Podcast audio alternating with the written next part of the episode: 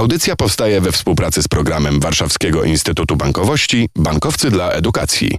Trzy grosze o ekonomii. Dzień dobry, Piotr Topuliński. Tym razem w audycji Poznań i Kongres Impact 22. Przez dwa dni w stolicy Wielkopolski naukowcy, przedsiębiorcy, politycy rozmawiali o wyzwaniach stojących przed polską i europejską gospodarką. W audycji poruszymy dziś kilka wątków. U progu sezonu zapytamy o wydarzenia plenerowe, przyjrzymy się możliwościom inwestycji, również firm młodych, które chciałyby podbić zagraniczne rynki. Będzie też coś dla miłośników sportu sportu i pieniędzy czyli dla dużej części z nas.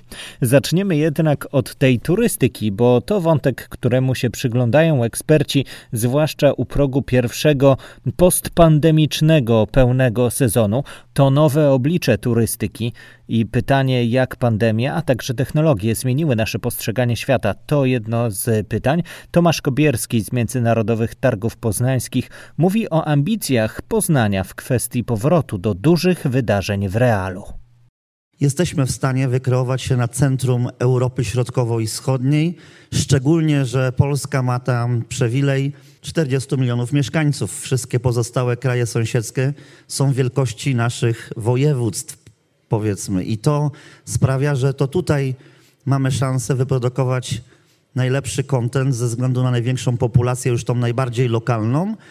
Wtedy te inne narody, stosunkowo krótka podróż, bo do Poznania samolotem z każdej z tych destynacji nie więcej niż dwie godziny, spowoduje, że mamy wielką szansę na rozwój. Drugi aspekt lo lokalności to jest lokalność danej destynacji, danego miasta.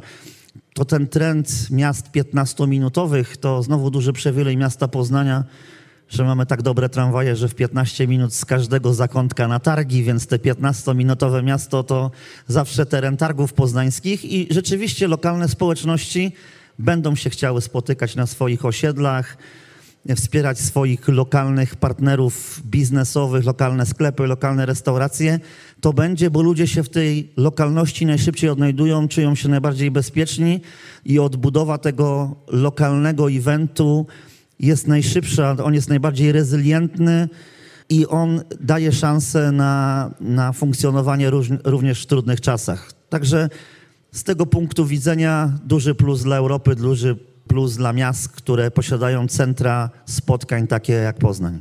W programie dzisiaj Poznań, kongres Impact i pytania o to, jak sprawić, by nasze firmy rozwijały się nie tylko w Polsce, lecz także za granicą. Poznajcie Europejski Bank Inwestycyjny. To Bank Unii Europejskiej, oficjalna instytucja, która należy do państw członkowskich Unii, reprezentuje te państwa członkowskie na arenie międzynarodowej, współpracuje z innymi instytucjami w celu wdrażania unijnej polityki, a także pomaga przedsiębiorcom rozwijać własny biznes. W tym momencie uszu mogą nadstawić ci, którzy być może szukają takiego dofinansowania. Alicja Chlibowicka pomaga firmom w kwestii rozwoju i innowacyjnych działań. Co robi Europejski Bank Inwestycyjny? Posłuchajcie. Nie zawsze banki mają apetyt ryzykowy, albo mogą, albo rozumieją tego market, albo industry, który i albo jest nowy, więc to jest cała nasza praca, jest polega na tym. Właśnie został umówiony InvestEU program, który będzie następne 7 lata mieć jakby bardzo duże pieniądze, żeby wspomagać e, gwarancją i equity investments w właśnie transformacji zielonej, social sustainability, w light mobility, też żeby wspomagać skills i education, edukację dla ludzi, którzy żeby zmienili też swoje skill sets, bo ten świat się rozmnaża i technologicznie ma tyle jakby teraz innowacji, że musimy nadążyć i musimy też być publicznie i, i współpracować z instytucjami finansowymi albo z fund managers, którzy znają venture capital i growth capital perfectly, żeby pomagać tym e, małych przedsiębiorstwom. A taki fundusz VC, który jest w Polsce, może mieć łatwo 20 do 30 underlying companies, który pomaga i to mamy kilka tych funduszów, e, chyba z 15 w Polsce, które są podpisane z nami i będzie więcej, bo jest, tak jak ja jestem na konferencjach, ja widzę codziennie nowych ludzi, nowych, szukają nowych entrepreneurs, venture capital i, mhm. access do naszego fund, e, inwestycji, więc e, zawsze mogę podpowiedzieć i sprawdzić u siebie i podać te Jasne. numery. No i zostańmy może w temacie startupów. Startups are us o nowej perspektywie i nowych możliwościach, mówi Aleksandra Ciok-Pachecka z Polskiej Agencji Rozwoju Przedsiębiorczości. Pojawiło się hasło Startup Exchange. Czym ten pomysł jest? Taki prosto mówiąc, Erasmus dla startupów. Program skierowany do startupów, które już mają zamiar ekspansji na rynkach zagranicznych. Ten program będzie ich przygotowywał, będzie finansował udział w programach akceleracyjnych w danym kraju, tak aby startupy poznały tam kulturę biznesową konkretnego kraju, potencjalnych kontrahentów, inwestorów, tak aby lepiej tą ekspansję zaplanować. I ostatni już komponent do osób fizycznych, które myślą o swoim biznesie, ale jeszcze pracują, uczą się. Nie mają też czasu na angażowanie się w jakieś studia, dłuższe inicjatywy. To ma być krótki, skompilowany program mentoringowy, weekendowy, popołudniowy, tak żeby to było dla nich dostępne w celu weryfikacji swojego pomysłu biznesowego. Do tego dodajemy możliwość pracy w przestrzeni coworkingowej, zakup pewnych surowców, materiałów, które będą potrzebne do tej weryfikacji, no i oczywiście mentoring, który jest na tym etapie najważniejszy. W audycji porozmawiamy teraz o firmach, ale takich dużych, o których dużo się mówi, jest o nich głośno niemal codziennie, za które też trzymamy kciuki i mówię nie o notowaniach giełdowych, lecz o klubach sportowych. Czym różni się zarządzanie firmą od bycia współwłaścicielem klubu sportowego? O tym Jarosław Królewski z Sunrise, a także współwłaściciel Wisły Kraków. Przede wszystkim po tych moich trzech latach doświadczeń zdecydowanie mm, kluby piłkarskie czy kluby sportowe rządzą się zupełnie innymi prawami, w szczególności jeśli chodzi o pewnego rodzaju e, zmienne, które w biznesie są bardziej racjonalne, bardziej przewidywalne. Tutaj niestety dochodzi bardzo wiele czynników, które są trudne do oszacowania, czyli to, to ryzyko sportowe na przykład, ryzyko kontuzji i inne są tak naprawdę czymś, co bardzo mocno może wpływać na rezultaty.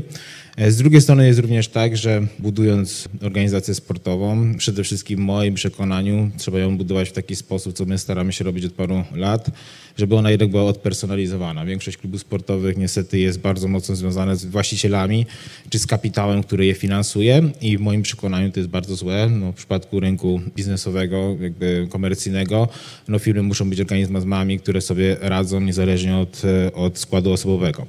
Natomiast zdecydowanie jest tak, że to jest trochę inna dyscyplina. Wydaje mi się, że w przypadku takiego codziennego zarządzania w kontekście nie wiem, marketingu, sprzedaży czy jakichś elementów komercyjnych absolutnie da się tak zarządzać klubem.